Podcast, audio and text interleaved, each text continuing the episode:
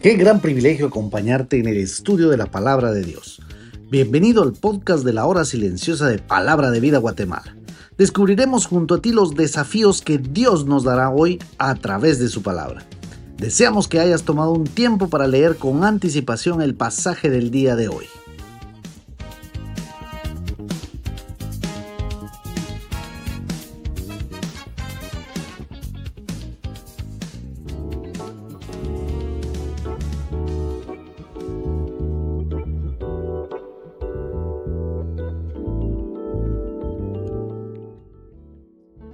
Hola, ¿cómo estás?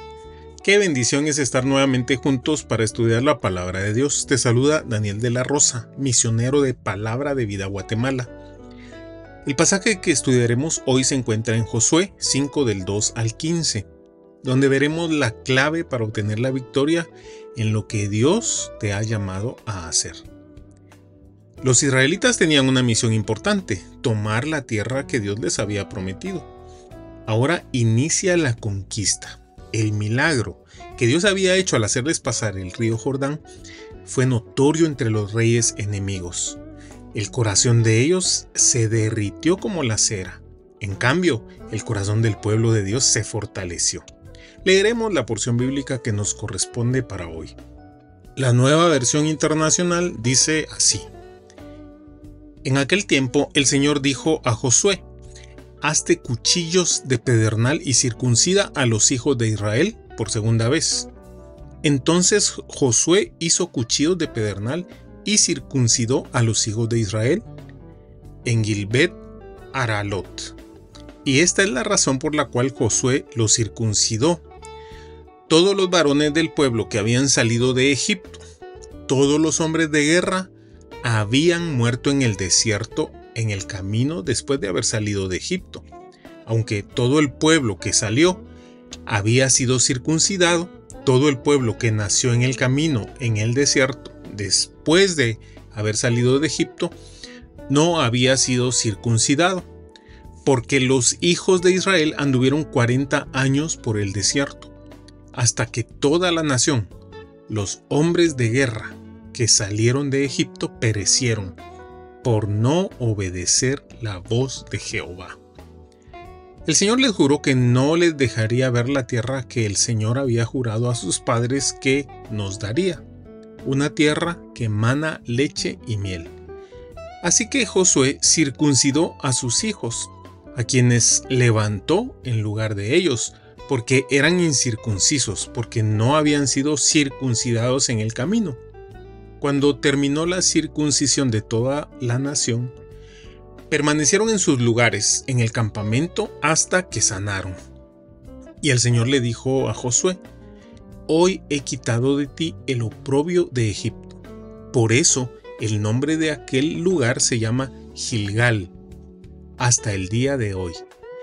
Mientras los hijos de Israel acampaban en Gilgal, celebraron la Pascua el día 14 del mes por la tarde, en las llanuras de Jericó. Y al día siguiente de la Pascua, aquel mismo día, comieron del producto de la tierra, tortas sin levadura y grano tostado. Y el maná cesó al día siguiente que comieron del producto de la tierra. Ya no hubo maná para los hijos de Israel, sino que comieron del fruto de la tierra de Canaán aquel año. Cuando Josué estaba junto a Jericó, alzó sus ojos y miró, y aquí un hombre estaba delante de él con una espada desenvainada en la mano. Y Josué se acercó a él y le dijo, ¿eres tú de nosotros o de nuestros adversarios? Y él le dijo, no, pero yo soy el comandante del ejército de Jehová. Ahora he venido. Y Josué cayó rostro en tierra y adoró, y le dijo, ¿qué dice mi señor a su siervo? Y el comandante del ejército de Jehová dijo a Josué, Quítate las sandalias de tus pies, porque el lugar donde estás es santo. Y Josué así lo hizo. Lo primero que Dios manda a Josué es hacer que circuncide a todo varón. Esta era una decisión arriesgada porque estaban en las llanuras de Jericó, Militarmente parecía un suicidio, pues todos los hombres de guerra estarían incapacitados para pelear por varios días, hasta que sanaran. Pero ellos habían desobedecido a Dios todos los años en el desierto, así que tenían que renovar este pacto a través de este acto de consagración. La circuncisión significa, no soy como las otras naciones. Yo escucho a Dios y hago lo que Él me dice que debo hacer. Era renunciar a la carne y al mundo, morir a uno mismo y vivir para Dios. Si quieres vivir una vida victoriosa en el Señor, tienes que iniciar con esto, obediencia. Es mucho más importante el ser que el hacer. El Señor quita la vergüenza que el pecado trae a nuestra vida y nos hace aptos para servirle. No puedes estar sirviendo a Dios teniendo pecado en tu vida. Obedece a Dios, quita el oprobio de tu corazón. En segundo lugar, ellos celebraron la Pascua, recordaron la obra poderosa de liberación en Egipto, recordaron las maravillas que Dios había hecho para rescatarles. Nosotros también debemos vivir recordando la obra de liberación de Jesús, su sacrificio en la cruz, recordar que le pertenecemos solo a Él. También comieron de los frutos de la tierra, y el maná cesó. Dios siempre provee, y Él cambia la forma de proveer según sus planes. Solo necesitamos confiar en Él.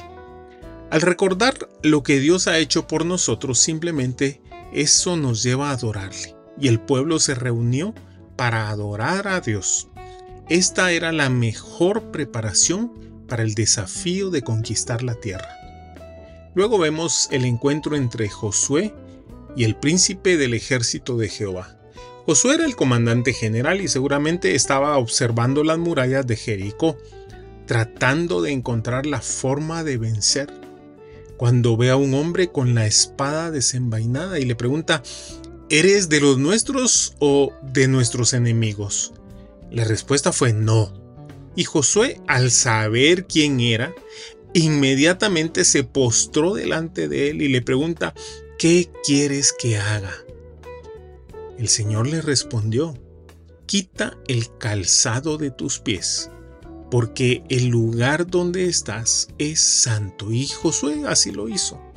Sabes, este es un llamado de Dios para vivir en santidad. No tiene que haber nada en tu vida que impida una relación con Jesús. Recuerda que Jesucristo prometió estar con nosotros todos los días hasta el fin. Así que debemos de vivir en santidad cada día. Quita lo que te ensucia, lo que ocultas y eso te dará libertad para servir a Dios. Por eso vívelo. Si quieres vivir una vida victoriosa en el Señor, inicia con esto. Humíllate delante del Señor, obedece sus mandamientos, adórale y vive en santidad. Que el Señor te bendiga.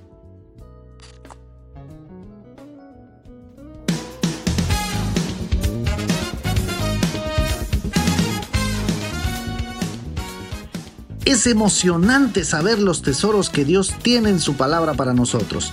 Ayuda a tus amigos a que descubran la voluntad de Dios para su vida. Comparte este podcast con ellos. No olvides seguirnos en nuestras redes sociales.